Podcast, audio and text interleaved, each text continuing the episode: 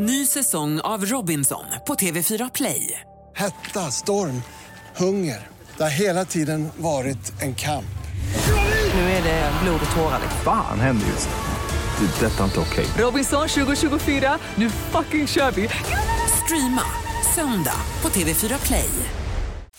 Hej, jag heter Gry Forssell och du lyssnar inte på radiostationen Mix Megapol. I alla fall inte just nu, för du ska ju precis höra ett nytt avsnitt av Mord mot mord. Men först vill ju vi säga hej.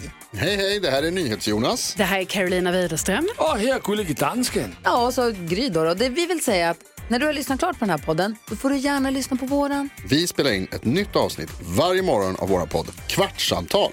Och hela radioprogrammet blir ju också en podd om man är väldigt morgontrött eller så. Just det, om man missar morgonen ja. Men mest av allt så får du gärna lyssna på programmet i direktsändning varje morgon på Mix Megapol. Live varje morgon från klockan sex och då har vi med oss massor med vänner också. Thomas Bodström, Babben Larsson, Johan Pettersson, Christian Luuk. Massor med coola människor som bara dyker upp och gör livet bättre. Ja, som jag, Gullige Dansken. Exakt så. Och så mycket bra musik och annat skoj såklart. Så vi hörs när du vaknar på Mix Megapol. Podplay.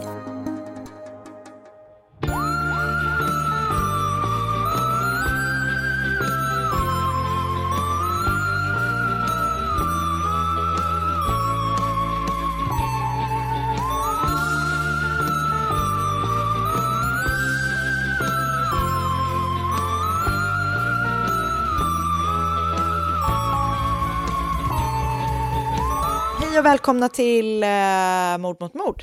Den är ännu en vecka. Ännu en vecka i true crimes, crimets tecken. Läskiga värld. Precis, Verkligheten. verkligheten. Det värsta vi har. Eh, typ faktiskt verkligen sant. Verkligen sant. Det har varit en väldigt omvälvande första vecka på 2021 får man ändå säga. Ja. Worldwide så att säga. Det är verkligen, eh, verkligen sant. Och nu tror jag att Yes. alla har ändå längtat efter att höra våran analys. Verkligen. Och det, det ska vi ge dem. En lång sådan. Nej, men jag såg en så ganska rolig meme som Ja. var typ så här. ehm, eller en tweet kanske, vad det nu var. ehm, som var typ så. 2020 just went home and put on a wig and came back. Rakt av. Vet du att jag, Så alltså jag drömde en mardröm i natt tror jag. Som var att, eh, men du hade typ blivit sjuk eller om det var någonting med så här, du kunde i alla fall inte podda. Nej. Och det var liksom så här, it was left up to me to make sure there was a podcast. Uh. Alltså du vet så här, täcka upp för en vecka liksom bara när det var så här, det, det, det är omöjligt liksom. Och det jag gjorde då var att jag liksom bjöd in några helt random personer. Som typ hade en utläggning, alltså de var liksom kunniga på något ämne, det var inte det liksom. Men det hade absolut ingenting med det som vi pratar om att göra. Jag tycker det låter spännande. Jag tror det hade funkat. Men vet du vad, halvvägs in så var jag så här, okej men nu har vi spelat in 25 minuter. Och våra lyssnare kommer hata det här. För jag hatar Ja, också det här. Alltså det var så tråkigt. Och det var så Om dåligt. du hade kommit i kontakt med dem då? Ja, alltså det kändes som att jag hade gått ut och tagit de första akademikerna jag såg. Det lät ganska trist. Ja, om man får säga så. Det blev, det blev inte toppen. Men eh, du behöver inte oroa dig. För du är här. För jag är här. Du är med mig. Precis. Exakt. Har du några, ehm, eller hur mår du menar jag? Jag mår bra, tackar som frågar. Ehm, jag mår bra, det är... eh, alltså, nu kommer jag liksom verkligen stata något otroligt uppenbart. Men fy fan, jag är så trött på corona-skiten alltså. Alltså, jag tror att det är skönt att folk känner så här, vad skönt att någon vågar säga det. Ja, jag vet. Och jag tänkte, jag tar den. Ja, Men ja, jag är verkligen kände igår att jag bara, jag känner mig helt rånad på min mammaledighet, jag känner mig rånad på mitt liv, så känns det. Japp. Men annars mår jag bra. Jag är lite, jag är lite knackig mentalt, liksom på grund av det. Ja. Men annars är det okej. Känner du dig lite Du då? Lite sänkt, ja, Ja. absolut. Ganska mycket sänkt skulle jag säga. Och det är ju verkligen förståeligt. Vi har ju Mm. all rätt i världen att vara lite sänkta. Visst har vi det. Hur mår du då? Ehm, Kul. Inte beredd på frågan. Nej. eh, nej men jag mår nog he- helt okej, tror jag. Mm. Ska börja jobba imorgon. Det känns som att jag varit ledig så länge. Men alltså, jag tycker att den här julledigheten har känts så lång. Fruktan, För alltså, alla människor. fruktansvärt, underbart lång. Ja. Eh, Men ska det bli verkligen. kul att börja jobba då? Det blir skoj. Det blir skoj. Det är ganska kul med ett nytt år liksom, men det känns ju alltid som att det är så här, Det- nya tag. Det har ju någonting. det får man Det lov att säga. Ja, det har det. Jag håller helt med. Eh, så det kommer bli bra. Det kommer bli bra. Du, jag har en grej, jag har en grej som jag ska läsa för dig.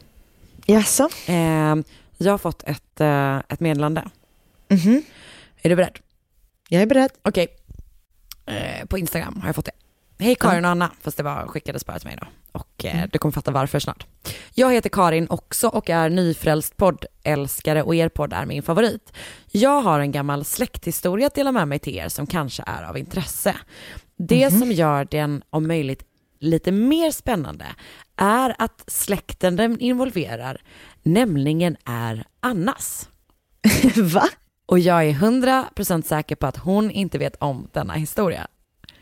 Gud vad sjukt. Här vill jag förtydliga att jag inte är en imponerande bra stalker eller spion av något slag, utan att Anna är min bonusmoster och därmed har vi samma släkt. Jaha! Har du hört det här? Nej. Okej, jag fortsätter läsa. Ja. Det är en bra historia. Och du behöver inte Ja. oroa dig, det är inte att du kommer få reda på att någon släkting till dig har dött. Jag blev jättenervös, Ja, men okej. jag förstår det. Det här handlar om Annas svågers farfar. Eller Ja. min farfars far, Sören. Han var en dansk läkare som emigrerat till San Francisco. Efter att han bott där i några år sålde han sin praktik för att köpa en annans, vilket var till synes en god affär. Dock var personen han köpte praktik, praktiken av något av en skurk, som pappa kallade det, och tog med sig alla patienter till en ny mottagning när praktiken överläts till Sören. Ergo, skurken sålde en tom lokal för en stor summa pengar och tog med sig patienterna, vilket egentligen var det som var av störst värde. Detta var olagligt och gjorde att Sören paff, pank och sur. Det gjorde honom paff, pank och sur. Så han gjorde det amerikaner gör typ bäst i världen. Han stämde skurken. Efter Bra. att det blev ett lagärende mottog Sören först mordhot, vilket han härdade ut. Sannolikt för att han inte trodde att skurken skulle göra slag i saken. Dock hade han fel i det. En dag blev Sören kallad till en adress troende att han hade en patient där i behov av vård. När han kom till platsen visade det sig att det var ett bakhåll. Och Va? han blev beskjuten. Nej. Han kom som tur var ganska lindrigt undan med endast inom citattecken psykiska men och en bil med diverse skotthål. Nej. Efter detta bestämde sig Sören för att flytta hem till Danmark igen. han Vad var, sjukt. Jag vet. Han var minst sagt mätt på sitt liv i Kalifornien. Trots att han läng- inte längre befann sig i USA fortsatte rättsprocessen under hans frånvaro. Sören vann fallen mot, fallet mot skurken och fick en betydande slant som användes Ooh. för att återupprätta ett liv i Danmark. Tänk Wow. om detta inte skulle ha hänt för hela min familj har fortsatt bo i Amerika och Annas syster och min pappa skulle inte ha träffats. Det är nu. Gud vad sjukt, vad roligt. sjukt. Tack Karin! vad kul, vad roligt. Hon, hon tyckte att, det, att jag skulle, hon skrev till mig för att hon, hon tänkte att det kanske kunde vara kul att överraska dig. Det var verkligen kul.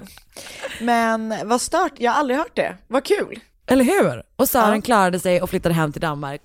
Och Och födde... Nej vänta, det var inte det var Martins farfar, eller hur var det? ja, exakt, exakt, så det var lite längre bort. Ja. Ja, Vad kul. Eller hur? Tack snälla, vad spännande. vet du vad jag också måste säga? Eh, att jag tycker att Karin skrev sin historia på ett utmärkt föredömligt sätt. Verkligen. Jag uppskattar att hon använde ergo. Jag behöver inte skämmas för att ha henne i min familj. Du ska vara stolt. Det är jag. Absolut. Bra, Ja, det ville jag bara ge dig som en Mer liten... släkt, ge- skicka mer släkthistorier om mig som jag inte vet om. Gud, men din släkt kommer ju kunna ha roliga saker. Tror du det? Ja, det tror jag. Mm. Det Hoppas tror jag. inte så mycket mord och sådär. Nej, nej. Nej, det är Nej. mer då bara att någon kommer skicka typ så här. Vem var det, din, vem var det som jobbade med kungens hästar? Min mammas farfar. Det är ändå coolt. Det är ändå Vad var det han var? Ryttmästare, stallmästare? Ho- hovmästarstall... Vad heter det? Hovstalls- Hovmästare. Nej, Hovmästare till kungens hästar. Bara, hovstallmästare. ni kan sitta här.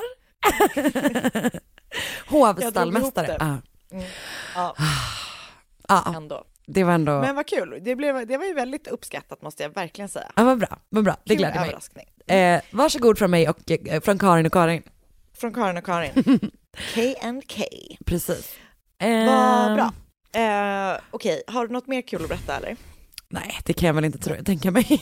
Nej, inte jag heller. Har, Skoja! har du sett något? Har du hört något? Ja, vänta. Jag kan säga ja. att, jag, att jag tror att Wondery har en ny, en ny true crime-serie på gång. Wondery som ju gör Ah. typ världens bästa jävla poddar. Som eh, ska komma kanske typ nästa vecka tror jag. Jaså? Eh, som verkar jättespännande. Det verk, verk okej, så här har jag, jag har bara typ hört en trailer för det, för det är jättekort. Eh, men de gör ju alltid så jävla bra grejer. Det är en person som typ in, börjar ha typ ett radioprogram eller en podd typ, dit folk kan ringa in, alltså där man spelar upp meddelanden från en telefonsvarare, eh, där folk erkänner, alltså anonymt erkänner brott de har begått. Va? Och då är det en person som börjar höra av sig som liksom påstår att han är seriemördare. Och den här podden verkar då gräva i huruvida den här personen faktiskt är det. Typ. Okej, vad intressant. Ja, eller hur? Det låter väldigt spännande. Också Visst var det. Wondery som gjorde den där podden som jag glömt bort vad den heter nu, som du kommer komma ihåg? Ja. Han som piercade bröstvårtan upprepade gånger. Eh, nej, det var ju, eh, vad är Shittown? Just det, det var Shittown det hette. Ja, S-Town. Det var ju, ehm, eh, Nej, just det, det var... det är ju samma minns. som Serial. Exakt, nu Men minns jag. den är ju typ den bästa podden som någonsin har Ja, gjorts. det kan ju ta upp ett gammalt tips då. Ja, verkligen. Serial. Ja. S-Town. S-Town. Och Serial. Och Serial. Ja, den var, Ja, det var fan. den var gripande. Ja, det var det verkligen, verkligen. Mm. Okej, hade, du, eh, hade du några tips? Mm, alltså typ inte, för att i och med att vi håller på och sovtränar med Sigrid så passar jag på att sova varenda stund jag inte är med henne. Bra. Anna, jag tror att det är så bra. Sov allt du kan. Jag lyssnar på Harry Potter på Bookbeat. Fy fan vad mysigt. Mm. Vi såg eh, en av Harry Potter-filmerna på julafton. Alltså, Alltså, det grejen är, det det är, så, som det, alltså, det är så här sjukt. Jag har läst alla Harry Potter-böcker. Alltså, jag har läst dem i alla fall två gånger var. Mm. Jag har lyssnat på dem, alltså kanske två gånger var. Ja. Jag har sett filmerna, kanske tio gånger var. Jag tröttnar aldrig. Alltså det är de bästa, alltså det är det bästa som, det är det bästa som har gjorts i hela mitt liv. Då har du ändå gjort ett barn. Men det är inte jag som har gjort det. Alltså det bästa jag har gjort i Sigrid, men det är det bästa som har gjorts under min livstid. Då. Just det, just det, just det. Ja, ja, bra. Eh, det måste jag ändå säga. Ja, du så, är ju inte ens ett Harry Potter-fan. Nej. Men det Okej, är ju så för jävla du talar mysigt. för, blind, för blinda Nej, nej, öron nej. här. nej, nej, nej. Jag är glad för din skull. Eh, vi har sett, eh, eller vi ska jag inte säga, eller jo, jag har sett det tillsammans med Oscar, men det var första gången jag har sett Sagan om ringen-filmerna under julen. Oj! Mm. Har du aldrig sett dem innan? Nej. Det är en lång jävla promenad. eh? Lång promenad. Vi har typ en timma kvar på trean i och för sig, så att, men vi är snart klara. Det är en lång promenad och mycket krig. Det är det. Jag tycker det är, lite, jag tycker det är så jobbigt när det är så, sådana ljud hela tiden. Det är det äldsta Alltså du någonsin sagt. men jag, jag tycker det var bra. Jag gillar ju fantasy. Jag kan inte sticka under stol med det. Nej, det är ju som att jag ändå ganska ofta känner ett rätt stort behov av att se typ åtminstone första och andra Hunger Games-filmerna. Åh gud, jag älskar dem. Kan inte du och jag se dem? Gärna. Det känns inte som Marcus är öppen för det. Nej, vänta. Det var inte alls, det var inte ens, det var inte ens lite likt. Det var inte ens lite likt. Ja. Eh, ska berätta för dig att eh, det var min sms-signal ett tag. Jag vet, jag tror typ det var det när du flyttade till Stockholm. Nej, det var det nog inte. Men det är ju möj- Fast jo, det var det nog visst. Det var det? För vet du varför? Nej. För att det också var, eh, för att jag har ju aldrig ljud på. Nej. Så jag hade helt glömt bort Karin, att jag visst. hade den. Visst, visst, visst. visst, visst, visst, visst. Så hade jag helt glömt bort att jag hade den och sen typ så flyttat till Stockholm och så, så bara någon gång typ kommit åt mobilen, ljudet var på. Dånade ut Hunger Games-visslingen på Nöjesguiden-kontoret. Man bara, ja då är det jag som flyttar hem till Partille igen. Du vet att Partille var en av platserna de besökte I På spåret. i fredags? Ja, jag vet. Var liksom Partille, alltså gick resan till Partille? Ja. Otroligt. Poseidons, vad var det de sa? Poseidons appendix, eller vad var det de sa? Det var ganska, det var en ganska kul... eh, Och, och om jag får fråga så här då? Hur snabbt tog du det? eh, jag tog det inte. Alls?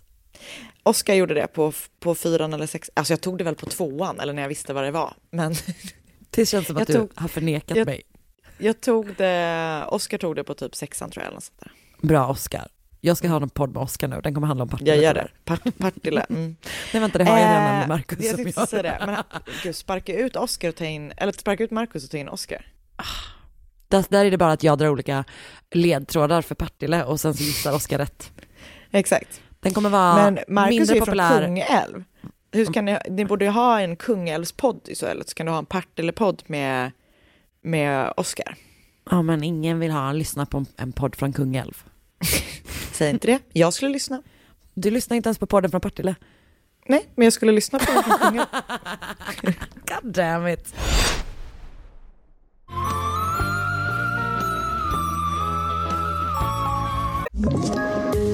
Poddtips från Podplay.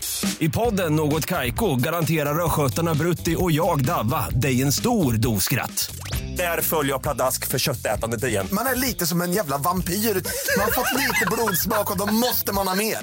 Udda spaningar, fängslande anekdoter och en och annan arg rant. Jag måste ha mitt kaffe på morgonen för annars är jag ingen trevlig människa. Då är du ingen trevlig människa, punkt. Något Kaiko, hör du på Podplay. Därför är gardinerna. Nu börjar jag. Okej. I början av 1800-talet var anatomi, liksom som ämne, som vetenskap på frammarsch i Storbritannien. Säkert över hela världen. Men i Storbritannien eh, så, så höll det på att bli väldigt, väldigt stort. Och det hade liksom alltid sett som något lite så läskigt att hålla på med, vilket man kan förstå.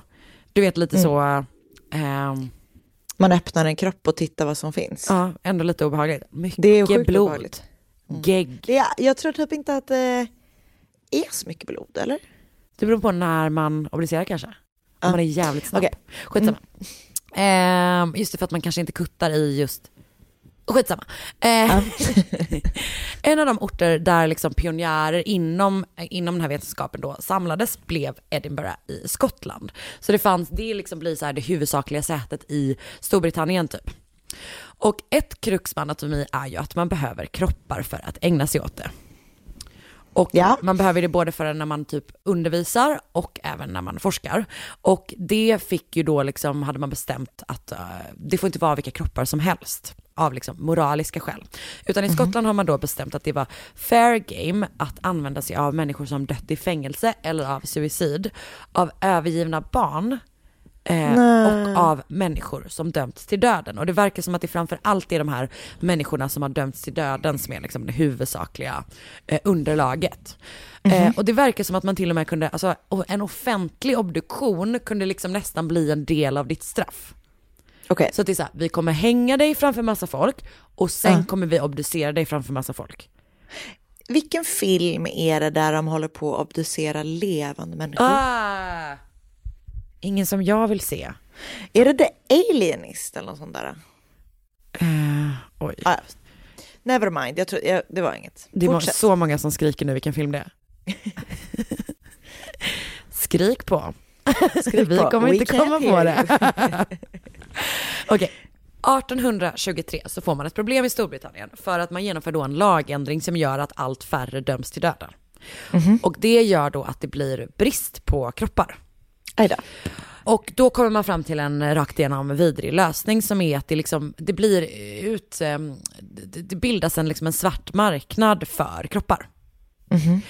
Där folk börjar liksom gräva upp gravar och sälja kroppar till typ universitet och till lärare, professorer, folk som vill forska och så vidare. Och eh, anledningen till att det här kan liksom ändå bli en ganska så här utbredd sak är att lagarna kring det här är liksom lite otydligt. För det är olagligt att liksom så störa en grav eh, och det är olagligt att liksom gräva upp en grav. Men det är inte ol- och det är olagligt att stjäla från, stjäla från en avliden. Men det är inte olagligt att stjäla kroppen. Ja, Och det är inte olagligt att sälja kroppen heller. Nej. För att det är liksom som att den, den tillhör inte någon. Så då Nej, kan man typ ta den. Så att det blir liksom en, en, en liten marknad för kroppar helt enkelt. Där man så här, eh, ja men typ lärare och sådär, eh, professorer betalar lite olika mycket beroende på vilken årstid det är, hur länge kroppen varit begravd, vilket skick den är i och så vidare. Alltså, Nej men det är en mardröm. Mm. Det är verkligen, och det känns typ också helt så här ineffektivt att obducera en kropp som har legat begravd fett länge. ja. Ja, nej men verkligen. Eller det beror väl på i och för sig vad man vill ta reda på. Jo, men Man det är väl inte- veta hur ja. det sett ut när de har varit begravd fett länge. Ja, nej men det känns ju inte som att de typ så här, de in, känns ju inte som att de är inne på det här body farm spåret, du vet att de vill kolla på förmultning, utan att de, de vill Nej. veta är typ så här, hur ser det ut där inne egentligen? De känns som att de är på en ganska basal nivå. Ja, sant. Ja. Eh, så jag håller helt med dig. Men jag tänker att det är nog verkligen så här, man tager vad man haver tider Ja. på Edinburgh University.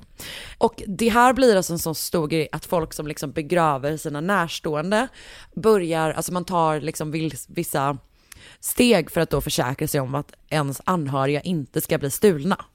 Nej. Så att man typ, eh, det är ganska vanligt att man vaktar graven själv, eller att man anställer någon som gör det. Man bygger så här vakttorn på kyrkogårdar. Och man kan också se liksom, alltså att man eh, har som galler över gravar typ. För att liksom försöka förhindra det här. Gud vad sjukt. Det är verkligen eh, bland det läskigaste man kan tänka sig. Ja. Jag tänker att så här, 1800-talets Skottland, läskigt i allmänhet. Tänk då att Alltså- folk bara drar runt på kroppar. På. Cremate me den dagen jag dör, jag bara säger det. Men jag läste också en skithemsk grej som var typ att, det, eller nej jag såg ett, i ett, i ett YouTube-klipp som jag kommer nämna senare, eh, där är en man som så här var typ den längsta i Storbritannien vid den här tiden. Som var så jävla Alltså medveten. längsta lång, längden. Ja, så han var skitlång liksom. aha. Eh, och jag minns inte hur lång han var, men han var liksom rejält jävla lång helt På enkelt. 1866.1800-talet så var han väl så 1,82, var inte alla jättekorta förr i tiden? 1,66. Som jag ungefär. eh, nej men eh, han var så medveten om att folk ville ha tag på hans kropp. Att han eh, så här, sa till sina kompisar bara, när jag dör så eh, begrav mig i havet. Alltså så här, släng mig rakt ner i havet. Men alltså, du, jag, jag är ju typ generellt rädd för döden. Men jag är, det jag tycker nästan är läskigt att tänka med döden är att jag ska, någon ska lägga mig i en kista och sen sänka ner mig i jorden. Och sen ska jag bli uppäten där av typ maskar och andra djur. Så du vill bli kremerad? Alltså 100 procent. Ja, det jag blir väl de flesta människor Ja. eh, i Sverige i alla fall nu för tiden. Nej, Men, och ja. den här snubben, eh, när han väl dog, så Mm. bröt sig typ folk in i hans hem och stal hans kropp. Och sen ställde de ut den på ett museum. Alltså hans skelett typ. Så nu pågår typ en diskussion som är så här, hallå ska vi inte begrava hans skelett i, till havs som han ville typ? Ja. Gud vad hemskt. Ja, Ja, fortsätt din helst. historia. Okej, så nu kommer jag då eh, prata om dem. Vi har två huvudkaraktärer i den här historien. Mm. Det här är en klassisk eh, true crime-historia ändå. Du har antagligen hört talas om den. Eh, vi ska då prata om William Burke och William Hare. Mhm. Eh, och det, de brukar då bara kallas för Burke and Hare. Så Mm. det kommer jag också kalla dem för, för enkelhetens skull. Ehm, båda två kommer från Irland, men träffas först i Edinburgh. Och Burke föds 1792 i en liten by som heter Ernie, eh, ligger typ mitt på Irland. Och var Hare är född och typ när är liksom inte helt klargjort. Hans bakgrund är ganska eh, otydlig. Eh, men Burke har, kommer i alla fall från så ganska trygga förhållanden. Han har eh, minst en bror, säkert fler syskon, men jag vet att han har en bror. Och tillbringar åtminstone en del av sin ungdom i militären. Sen gifter han sig, skaffar två barn eh, och eh, sen lämnar han sin fru och sina två barn på Irland när han 18 och 17 flyttar till Skottland för att jobba på Union Canal som går, utgår från eh, Edinburgh.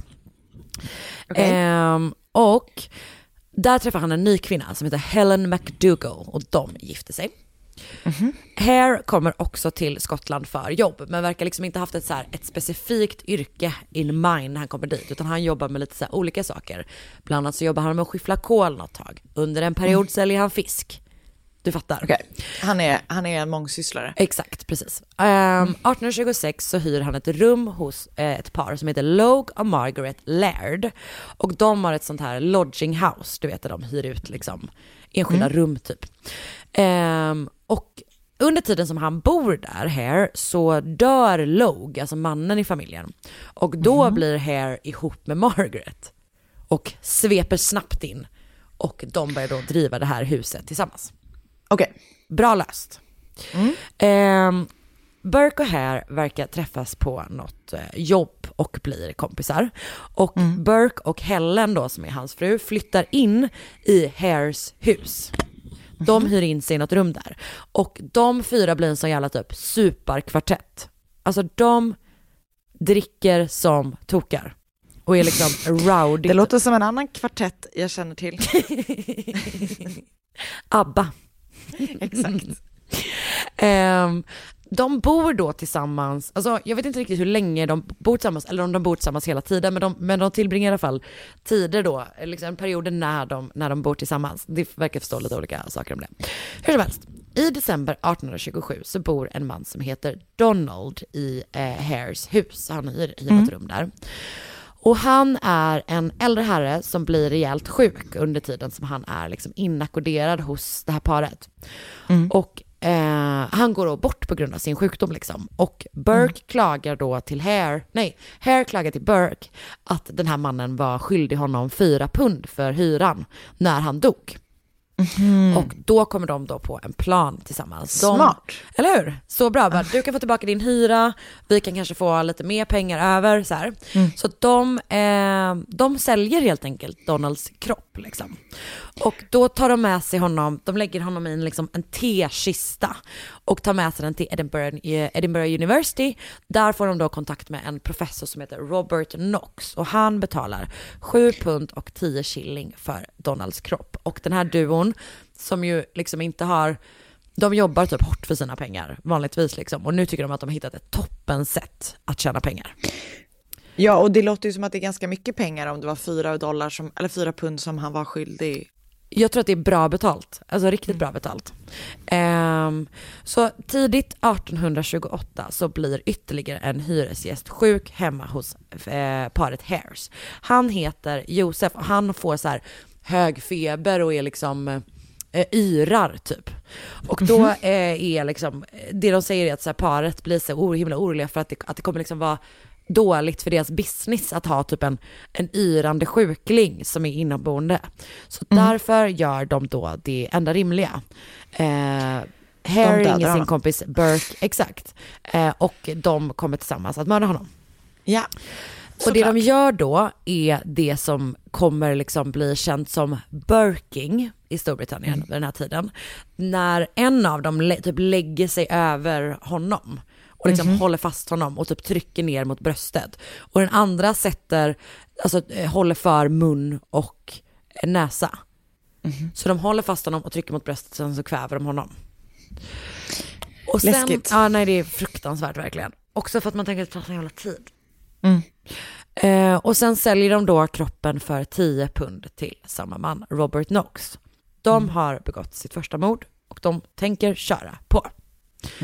Det, Duons nästa offer är en äldre kvinna som heter Abigail Simpson. Hon är egentligen pensionär eh, och bor strax utanför Edinburgh en liten by, men hon är i stan för att sälja salt och typ hyr ett rum hos dem eh, under tiden hon gör det.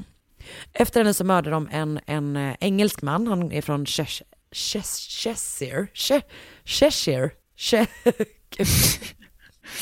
Det är lätt, jag, jag kan aldrig Cheshire. uttala någonting. Ja, Jag tror typ att- att det är så, eller? Ja. Ja, skitsamma. Jag säger ju shire om allting. Ah, Okej, att jag- men då hade du sagt, sagt, sagt. Nej, jag kan Så inte att, prata eh, längre. Shakt Cheshire hade jag sagt. Cheshire, exakt. Cheshire. Ehm, uh, man vet inte vad han heter i alla fall, men han är deras nästa offer. Och sen så eh, dör ytterligare en, kvinna, en, en person som man inte vet namnet på. Det är en äldre kvinna som eh, Margaret Hare bjuder in till eh, huset. Och samtliga de här kropparna säljs då till Robert Knox och senare kommer Burke säga att Dr. Knox approved of its being so fresh. He, but he did not ask any questions.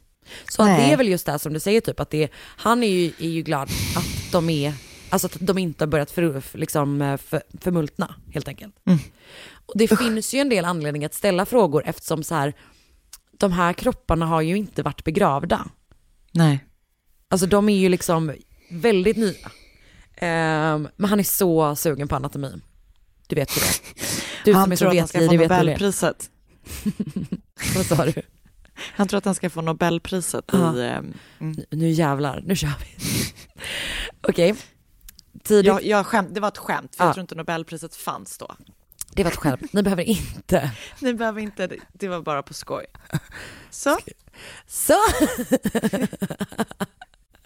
Tidigt i april 1828 träffar Burke två kvinnor. Mary Patterson, eller Mary Mitchell som hon också eh, verkar heta, och Janet Brown. Och de inleder en sån jävla superkväll tillsammans.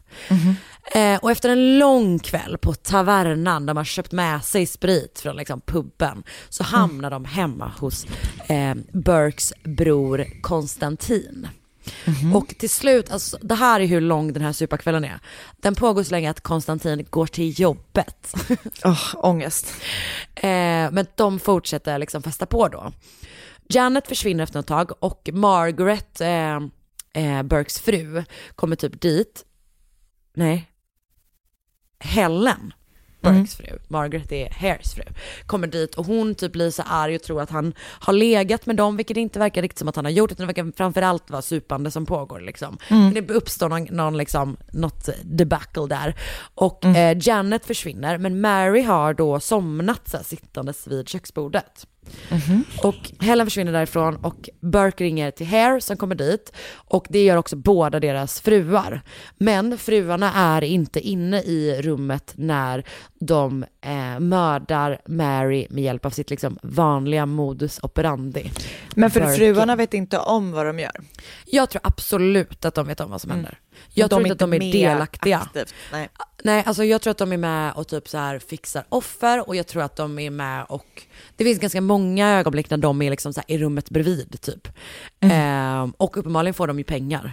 Men jag tror inte att de har varit med i liksom de fysiska handlingarna typ. Nej.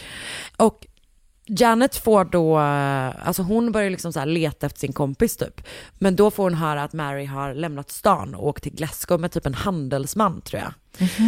Eh, det är ett problem med just det här mordet för, för den här eh, duon. För att flera assistenter till Robert Knox är så här, fan jag känner typ igen henne. Eh, och det är för att hon är sexarbetare. Och man tror att de har typ stött på då henne i hennes yrke liksom. Mm. Ehm, så att de är liksom så här, det här, det verkar lite konstigt typ. Ja. Men professorn själv då tycker att det här är en toppenkropp. Alltså han är så himla nöjd med den här kroppen. Mm. Så han lägger in eh, Marys kropp i whisky i tre Nej. månader innan han sen obducerar den. Att whisky var du så någonsin har bra, jag menar att det var en sån bra um, konserveringsvätska, det hade jag inte trott. Jag tänker att de tog det de hade mest av. Okej, sen så kommer de då mörda en kvinna som heter Mrs Halden och eh, typ några veckor senare så mördar de också Mrs Haldens dotter när hon är i stan för att leta efter sin mamma. Nej. Sen mördar de en äldre kvinna som heter Effie. Sen mördar de en, en, eh, en kvinna som jag inte hittat något namn på. Som eh, en av dem får syn på när hon så bråkar med polisen. Och då typ låtsas den personen, eller om det är Burke tror jag det är, eh, låtsas typ känna henne. Och typ kommer fram och är så här, ja det är lugnt konstapeln, jag tar hand om henne. Och typ att kvinnan så här, tror att hon har blivit typ räddad från att ha blivit gripen. Men istället så då tar han med sig henne hem eh, och så mördar de henne. Och sen mördar de också en gammal kvinna och hennes eh, barnbarn. En döv pojke. Nej. Sen blir Burke och Hare lite ovänner. Det verkar nämligen som att Hare har mördat en kvinna på egen hand. Jaså? Det är upprörande när ens kompis gör grejer utan en. ja. Alltså, verkar, ja. alltså, jag tror att typ att Burke åker iväg någon sväng och sen han kommer tillbaka så har typ Hare på sig nya kläder. Fan. Men vadå, eh. för att han har köpt nya kläder eller för att han har... För att han, nej, för att han har mördat någon och sen köpt nya kläder för pengarna. Nej, jag menar det. Det är det Ah. jag menar. Okej. Mm. Han, han verkar inte ha... De, de mördar ju ganska många typ äldre kvinnor. Usch, hemskt. Och det gör då att de flyttar isär. Jag tror att det är så att de har bott tillsammans fram till den här tiden. Men här flyttar de då isär och flyttar typ två gator bort. Eh, Burke och hans fru. Eh, In i något annat sånt lodging house liksom. Som jag tror ägs av eh, Burkes kusin typ. Men snart är de tillbaka. bästa av vänner och mördarduo. Och de eh, mördar då en kvinna som heter Mrs Hostler som jobbar som tvätterska. Och sen ett par veckor senare så mördar de en av Helen McDougals släktingar. Anne, som alltså är och hälsar på Helen i Edinburgh. Men vad sjukt. Och alltså det här är ju som sagt, jag tror verkligen att de har varit delaktiga. Ja. Jag har jättesvårt att se bara, "Hur- du mördade min kusin igår typ, men jag märkte inte det. Det känns liksom unlikely. Mm. Nästa offer blir eh, lite så början på slutet för de här. Han heter James Wilson, eller Jamie. Och han är 18 år och han är liksom så här, han är lite välkänd i Edinburgh för att han har, han har både kognitiva och fysiska funktionsnedsättningar och haltar väldigt tydligt på ena benet typ.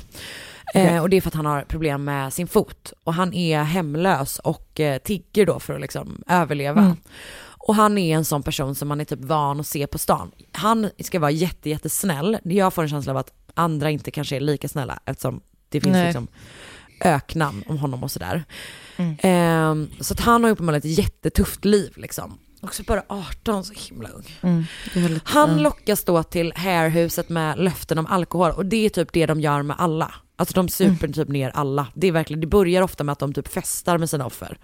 Mhm. Tills de är tillräckligt fulla och sen attackerar de dem liksom. Ehm, men så han kommer dit och de börjar bjuda honom på whisky men han gillar typ inte whisky så mycket. Så att... Eh, He and me both. Vad sa du? Bra. Nej, He and ja. me both. Verkligen. Jag tycker att det är bäst för att lägga in kroppar, som jag brukar säga. Jag brukar konservera grönsaker i det, sån inläggningsvätska. Mm. Rättika och annat. Eh, Whiskyinlagd gurka. Gud, det låter som något som kommer, som kommer komma kommer- snart. Ja, eh, precis. Ni vet var ni hörde det först. Snart hos en man med skinnförkläde.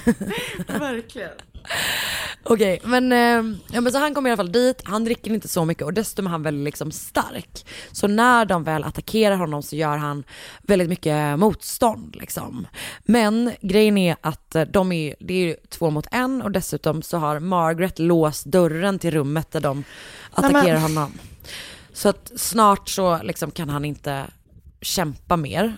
Nej. Och eh, när de tar James kropp till Robert Knox så känner flera av hans assistenter och lever igen honom.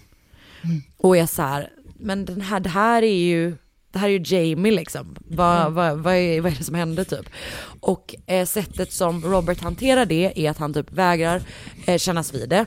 Och sen så styckar han då eh, James kropp för att då ingen ska kunna känna igen hans typ fot som var skadad. Men gud. Ehm, ja, jag vet. Det är verkligen pu. Sitt sista och största misstag begår de i oktober 1828. De blir då sugna på att mörda en kvinna som heter Marjorie Campbell Docherty. Hon är på besök från Irland. Och det är Burke som träffar henne. Och genom att säga så, han bara, ehm, att hans typ mamma, han är också, de är också irländare liksom. Han säger att hans mamma också heter Docherty. Eh, Och att de är från typ samma område, så de kanske typ är släkt. Och liksom på de grunderna bjuder han in henne eh, hem då till det här huset där han bor nu med Helen. Så de är inte hemma hos Hare. Utan de är, tar henne till det här huset där han har flyttat, han och Helen har flyttat till när de har flyttat från Hare. Ehm, och problemet är då att det finns redan två stycken hyresgäster i det här huset. Ehm, Okej. en, en man och en kvinna som har liksom hyrt, hyrt, hyrt något rum typ. Och de säger då till de här, de bara, våran släkting har kommit på besök och vi kommer typ ha en jävla hel kväll med henne, du vet. Du, du känner, du har säkert hört talas om oss, vi gillar ju supa ganska mycket. Eh, It's, it's us, the party team. The, par the party crew. eh, nej men så att de bestämmer då att, eh, eller de är så här, så vill ni kanske flytta till Hares Lodging House istället? Vi kan typ betala för det. Och de bara, okej, ja men det kan vi göra liksom. Så de flyttar över dit, men på natten, eller framåt kvällen, så går, har de glömt någon grej så att de går tillbaka och ska typ hämta det. Och då ser de så här, eh, alla fyra typ sitta och festa och supa och typ sjunga med Marjorie. Och framåt natten då, efter som sagt att de har liksom verkligen så här haft en rowdy festkväll med henne, så mördar de henne på sitt sedvanliga sätt. Och dagen efter så kommer de här två hyresgästerna tillbaka. De har glömt ännu fler saker. Skriv en packlista som vanliga människor. Verkligen.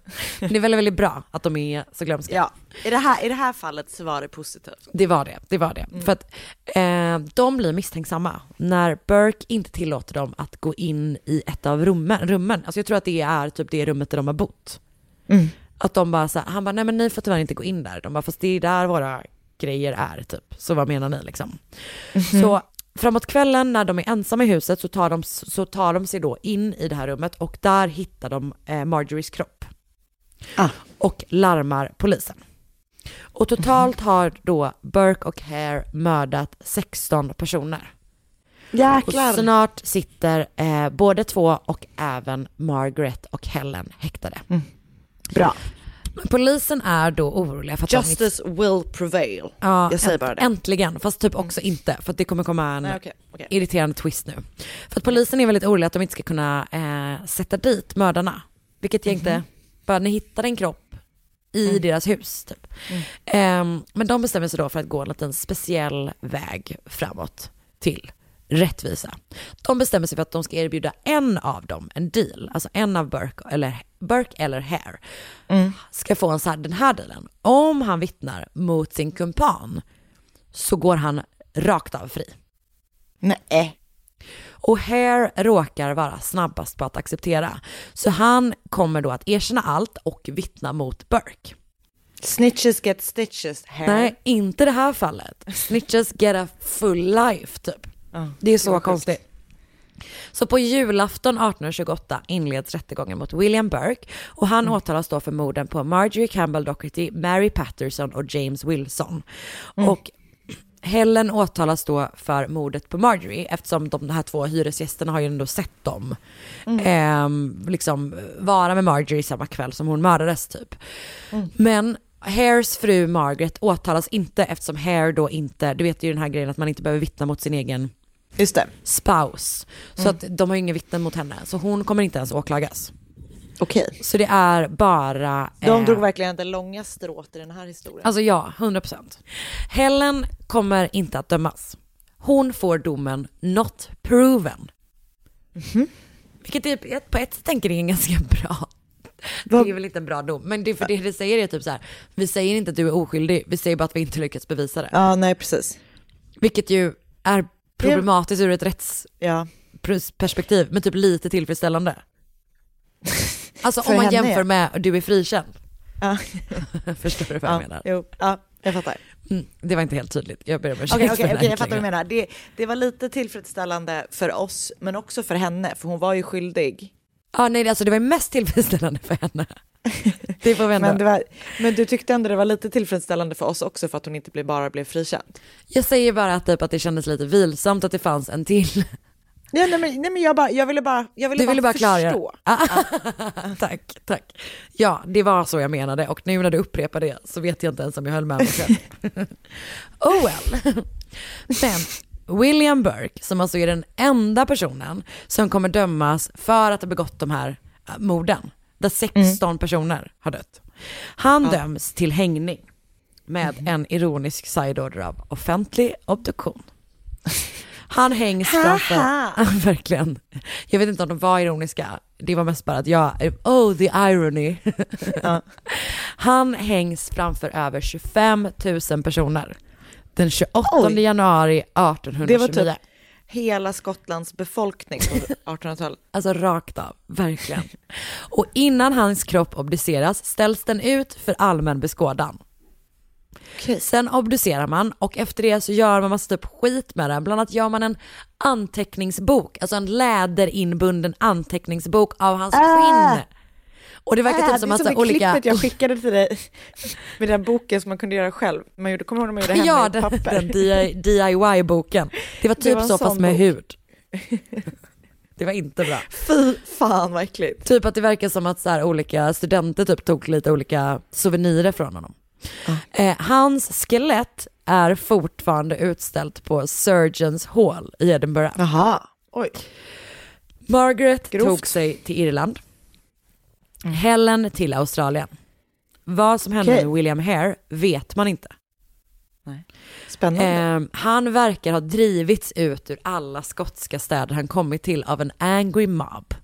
Till slut har han fått rekommendationen, gå mot, gå mot gränsen. Gå mot den engelska gränsen. Så jag blev precis jätterädd för att jag hade bett Oskar komma in med min laddare och när han väl kom in så var det som att det var en mördare som kom. Du blir också rädd som en bebis. Alltså du vet när en bebis blir alldeles skakig sådär.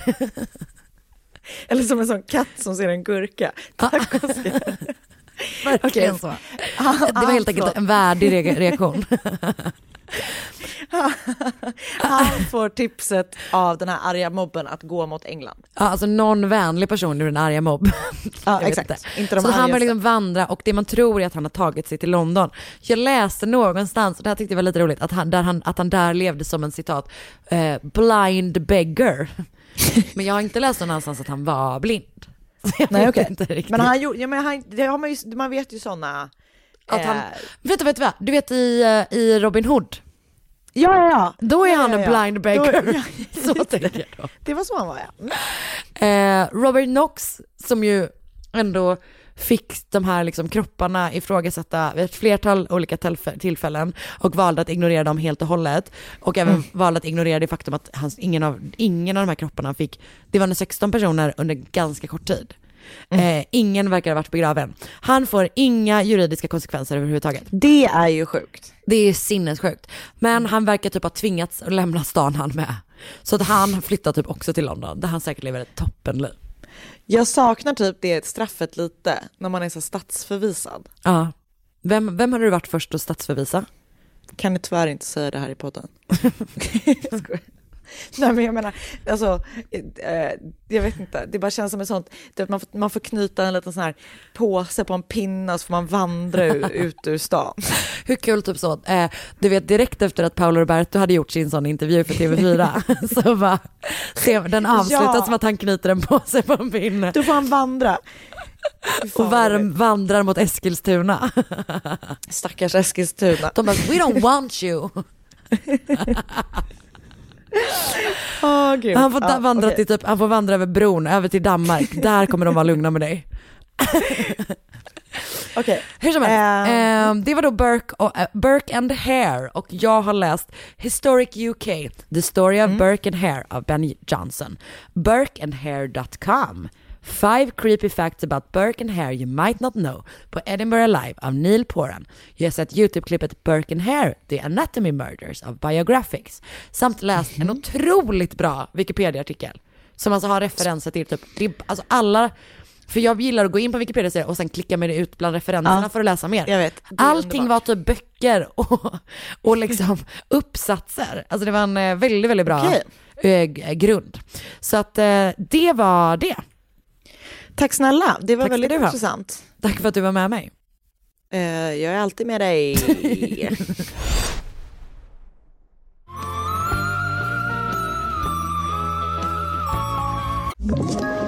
Ett poddtips från Podplay. I podden Något Kaiko garanterar östgötarna Brutti och jag, Davva, dig en stor dos skratt. Där följer jag pladask för köttätandet igen. Man är lite som en jävla vampyr. Man har fått lite blodsmak och då måste man ha mer. Udda spaningar, fängslande anekdoter och en och annan arg rant. Jag måste ha mitt kaffe på morgonen för annars är jag ingen trevlig människa. Då är du ingen trevlig människa, punkt. Något Kaiko, hör du på Podplay. Därför är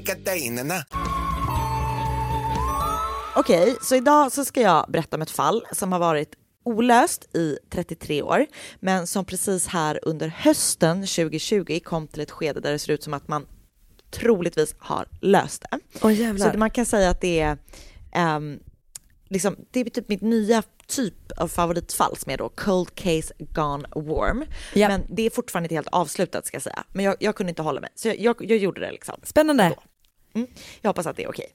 Ja. Så idag ska vi bege oss till vårt kära grannland i öst och lite mer specifikt en sån färja som trafikerar havet mellan oss och Finland. Nej. Mm. Oj jävlar.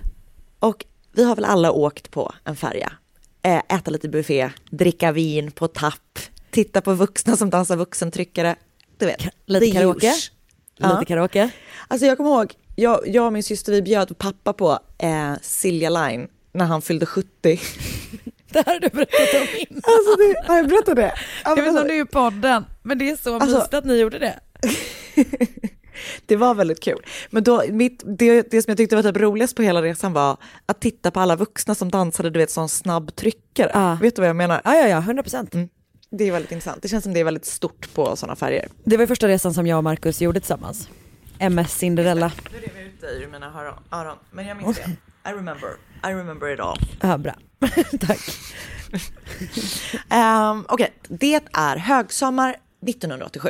Datumet är 28 juli och Viking Sally kry- kryssar med 1400 passagerare ombord mellan Stockholm och Åbo. Tidigt, tidigt på morgonen då, den 28 juli, landar en helikopter ombord på färjan. Och ombord sitter en yträddare som har ett riktigt starkt namn. Han heter Heikki Maskulin. Japp. Ändå bra namn. Ja. Japp. Och Heikki och hans gäng har blivit utkallade till Viking Sally för att kapten har kallat på sjukhustransport. Och det verkar typ inte vara helt ovanligt för att man vet ju typ att det inte alltid går så här helt lugnt ombord på sådana här färger. Det är typ mycket fylla och mycket slagsmål och sånt där. Japp. Så när Heikki och eh, hans helikoptergäng landar på färjan så möts de däremot inte av det som de brukar mötas av, utan personalen ombord på Viking Sally möter dem med två personer, en man och en kvinna som är helt blodiga. De lever båda två, men är, eh, eller verkar vara ordentligt skadade. De ser också att, alltså typ precis vid helikopterplattan där de landar, är eh, den platsen där är helt nedblodad. Eh, och de har spärrat av liksom. Så att det är inte bara your average fylleslagsmål. Eh, så de lastar in mannen och kvinnan i helikoptern och lyfter mot Åbo och vård eh, på sjukhus. Eller de ska liksom tas till sjukhuset för att vårdas där. Mannen och kvinnan som eh, har, som eh, de här, den här mannen och kvinnan, de är varken svenskar eller finnar utan de är tyskar.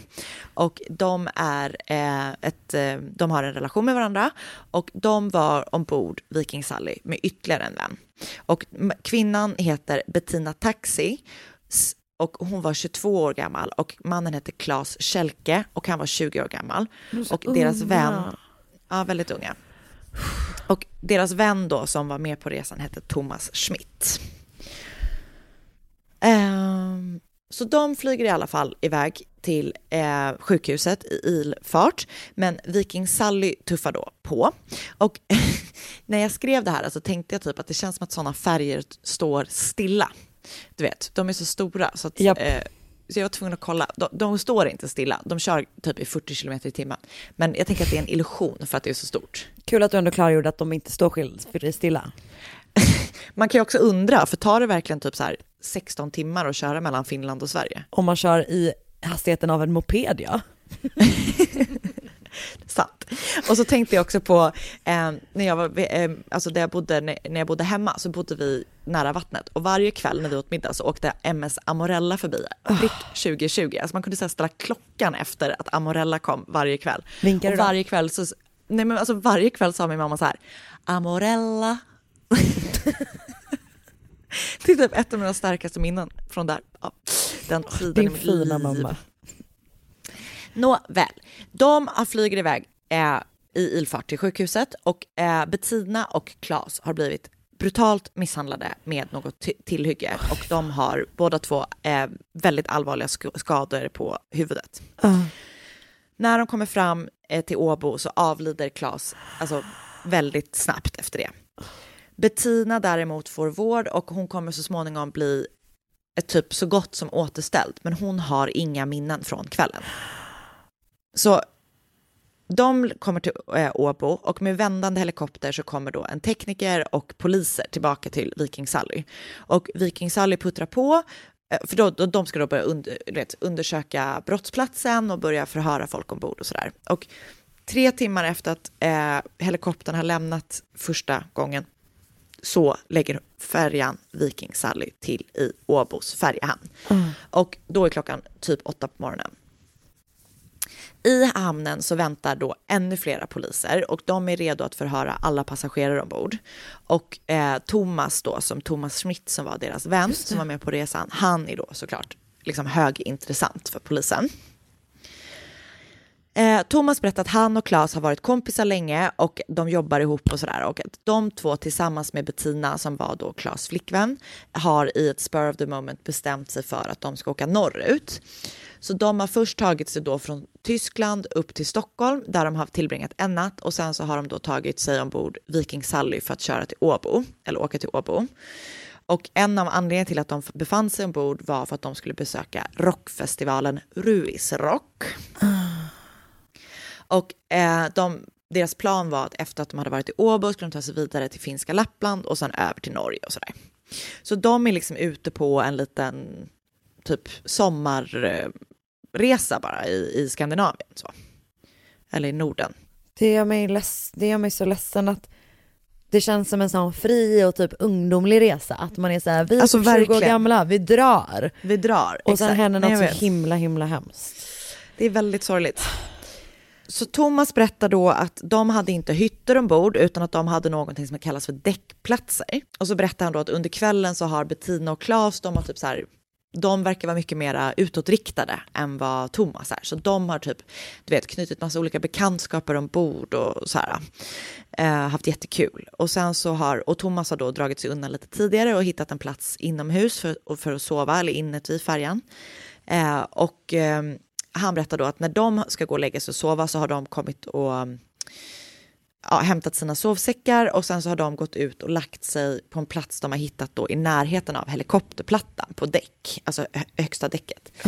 Eh, så där har de lagt sig för att sova. Och Thomas då, han bara, du vet, vill ge dem lite privacy och man vill ju typ inte vara den som hänger på, var alltid tredje jular. Eh, så han ligger då kvar inomhus och sover och vaktar typ deras ryggsäckar och sånt. Några timmar senare, eh, alltså efter att Thomas, eller efter att Claes och Bettina gått och lagt sig, så är det några danska ungdomar som går ut på däck. Och de ser något röra på sig i närheten av eh, helikopterplattan där då Bettina och Claes ligger och sover. Och först så tror de att det är några människor som är packade, så de är lite så här, du vet, typ som man är, att man, du vet, de typ garvar och tror inte att det är någonting.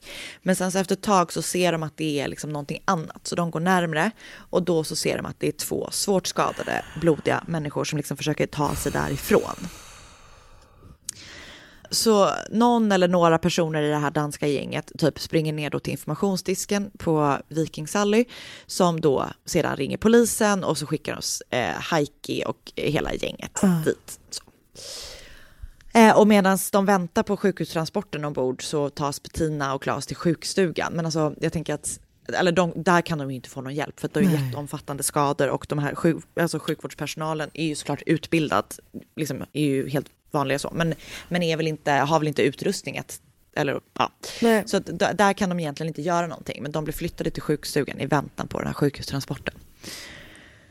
Så att polisen då börjar förhöra folk och du vet så här, men det finns inga vittnen som eh, har sett vad som har hänt med Bettina och Claes, så det är ett mysterium vad som har hänt med dem. Och det var ett ganska stort glapp också då. Ja, alltså man vet ju inte. Klockan fem blir de ungefär blir de hämtade av sjukhustransporten.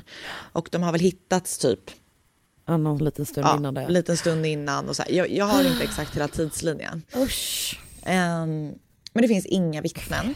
Och även om polisen liksom ganska snabbt får eh, några misstänkta så vet de ju såklart inte vem som har mördat paret. Och de inser snabbt att de kan inte hålla kvar alla på båten och förhöra dem och sådär. Men det de ser till att göra är att de filmar alla passagerare när de lämnar planen. Eller fartygen. Ja. Så att, eh, för de har då lärt sig av misstag tidigare, du vet när det hänt saker ombord på, på färjor. Så typ, de bara, vi måste i alla fall säkerställa att vi vet Vilka som varit där. vilka som har varit där. Ja. Och Eh, de, de, de få misstänkta som polisen ändå hade visade sig ganska snabbt liksom inte ha någonting med överfallet och mordet att göra. En av de misstänkta var en engelsman som hade varit ombord och, och han blev misstänkt för att han hade så här blodiga kläder. Och han fick sitta häktad i Finland under två veckor och han var bara så här, nej men alltså jag, jag, jag har ingenting med det här att göra. Men i två veckor var den längsta häktningsperioden som de då kunde hålla honom och det gör de. Och eh, det visar sig sen då att eh, blodet på hans kläder tillhör honom själv, liksom, som Han han, har sagt att det gjorde. Han har blödit, blödit näsblod. Ah, okay. Ehm, och jag vet inte om det var typ ett fall eller om det var slagsmål eller någonting. Mm. Men han har hela tiden sagt bara så här, gud det kommer från mig. Så här, det, Ah. ja. Och det visar sig också stämma. Utredningen blir väldigt stor och det är så här, väldigt många som blir involverade och åländsk polis, eh, som då, eftersom det skedde på åländskt vatten så är det åländska polisen som får, får fallet, men de får hjälp av fastlandspolisen. Och eh, polisen landar snabbt i teorin att överfallet har utförts helt random utan något egentligt motiv. Eh, men som med alla utredningar som liksom utfördes då 33 år sedan så har de ju då inte samma tekniska möjligheter som vi har idag. Eh, så liksom, de få typ fysiska bevisen, det, eller det verkar typ inte finnas några fysiska bevis, men du vet, det är så här, det polisen har att gå på är förhör Ja. med folk och eh, förhör och vittnesmål och det är som sagt ingen som har sett just det här. Många kommer ihåg dem och du vet sådär, men det, det är ingen som vet vad som har hänt. Hur kan de inte ha filmer? Nej, jag vet. Det är jättekonstigt. Det är och tydligen så kunde man resa liksom mycket mera liksom inkognito på de här färgerna förr. Det fanns inte liksom fullständiga passagerarlistor och du vet sådär. Alltså man, eh, man vet inte exakt vilka som har befunnit sig ombord heller. Shit, vad Eh, liksom namnmässigt sådär. Ja. Så polisen de jobbar på, de har lite olika leads under de kommande åren. Bland annat hittar två fiskare en sopsäck med kläder som ligger på en ö, en öde ö i färjans rutt. Och kläderna har initialerna HK och enligt polisen så fanns det då tekniska indicier på de här kläderna som liksom tydde på att de någon gång har befunnit sig ombord Viking Sally. Okej. Men det spåret leder ingenstans och till slut så har polisen ingenting att gå på. Ehm, så eh, fallet blir då ännu mer vilande och rubriceras som dråp och dråpförsök. Eh, den brottsrubriceringen kommer senare att ändras till mord och mordförsök. Ja. Ehm, och jag vet inte varför det gör det egentligen och ehm, jag vet inte heller vad det för att dråp och dråpförsök, eller då hade det här fallet preskriberats 2007. Just det. Och jag vet inte om det var därför man ändrade brottsrubriceringen och sådär. Det är lite oklart. Mm. Men, för, men nu klassas det i alla fall då som mord och mordförsök. Men det händer ingenting sådär. Men 29 år senare, 2016, så stöter polisen på någonting. Och det här är störigt för man får inte reda på vad. De är helt förtegna med, med vad det är som gör att de då, eller liksom utredningen får ny fart och man, man då vet inte vad det är polisen Nej. har fått nys på. Och nu då under slutet av 2020 så går polisen ut med att de har löst fallet. Nej. Däremot så verkar det som att de har löst fallet endast med indicier och inga liksom, fysiska bevis. Ja. Vad sjukt. Alltså för alla sådana som man tänker så här, nu är det något som har löst jättelångt senare, då tänker man så här, okej, de DNA. har hittat typ DNA, exakt. Ja. Nej, det verkar mest vara indicier och ehm, det är en dansk man som är född 1969 som eh, är misstänkt för mordet och han väntar på rättegång. Han sitter inte häktad och sådär och han nekar att han har någonting med det att göra. Men eh, det kommer inledas en rättegång nu här någon gång under 2021 mot den här mannen. Experter då som har uttalat sig tror däremot inte att det är särskilt troligt att det kommer bli en fällande dom. Just eftersom det då inte verkar finnas några eh, fysiska bevis. Och eh, det fanns inga vittnesmål som, alltså Nej. så här långt efter så är nog inte det ett helt vattentätt liksom, vittnesmål. Men eh, vi får väl se vad som händer. Och några tekniska, liksom, fysiska bevis kommer man absolut inte heller kunna hitta för Viking Sally, eller som fartyget senare skulle komma att Nej. heta, och som man kanske känner till färjan som, nämligen Estonia. Nej. Ligger som vi vet tyvärr på havets botten. Oj jävlar. Mm. Så det är så sjukt. Så den här färjan då, fartyget Viking Sally, döptes några år sedan. Den såldes väl Till Estland, då. ja. Till, ja. Ah. Och ehm, Oj ja, vi vet ju alla vad som hände med Estonia. Liksom. Åh, fan vad sjukt. Så att, ja, det här är ju verkligen ett sånt fall som jag egentligen inte tycker om, men som jag ändå tycker om. För att jag vet inte vad som har hänt, men det känns ändå som att vi ju- kanske kommer få reda på det eh, när rättegången eh, eh, inleds. Så jag tänker att när det händer så uppdaterar vi. Men det är så intressant att veta, alltså tänka kring vad det kan vara för bevis. Eller du vet vad, de, vad de har hittat. Ja, jättekonstigt. Alltså verkligen jätte, jättekonstigt. Och för just för att de går ut och säger att de har löst fallet. Ja. Det, Ja. Att det liksom är så, eller att de är typ så här, we can consider it solved, typ så. Wow. Mm. Jävlar vad sjukt. Och tänk vad länge de familjerna har liksom behövt vänta på. Så hemskt. Ah, Väldigt sorgligt Jag är eh, och skakad. väldigt fascinerande. Jag har då läst flera artiklar på svenska YLE och de heter då eh, Brutalt mord på färja, nära lösning efter 33 år, skriven av Peter Petrelius.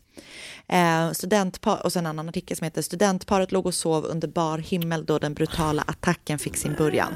Polisen i Åbo, det 33 år gamla mordet på Sverigebåten är nu, nu löst. Skriven av Thomas Rimpilainen eh, för Yle Utisets och översatt av Lina Frisk för Svenska Yle.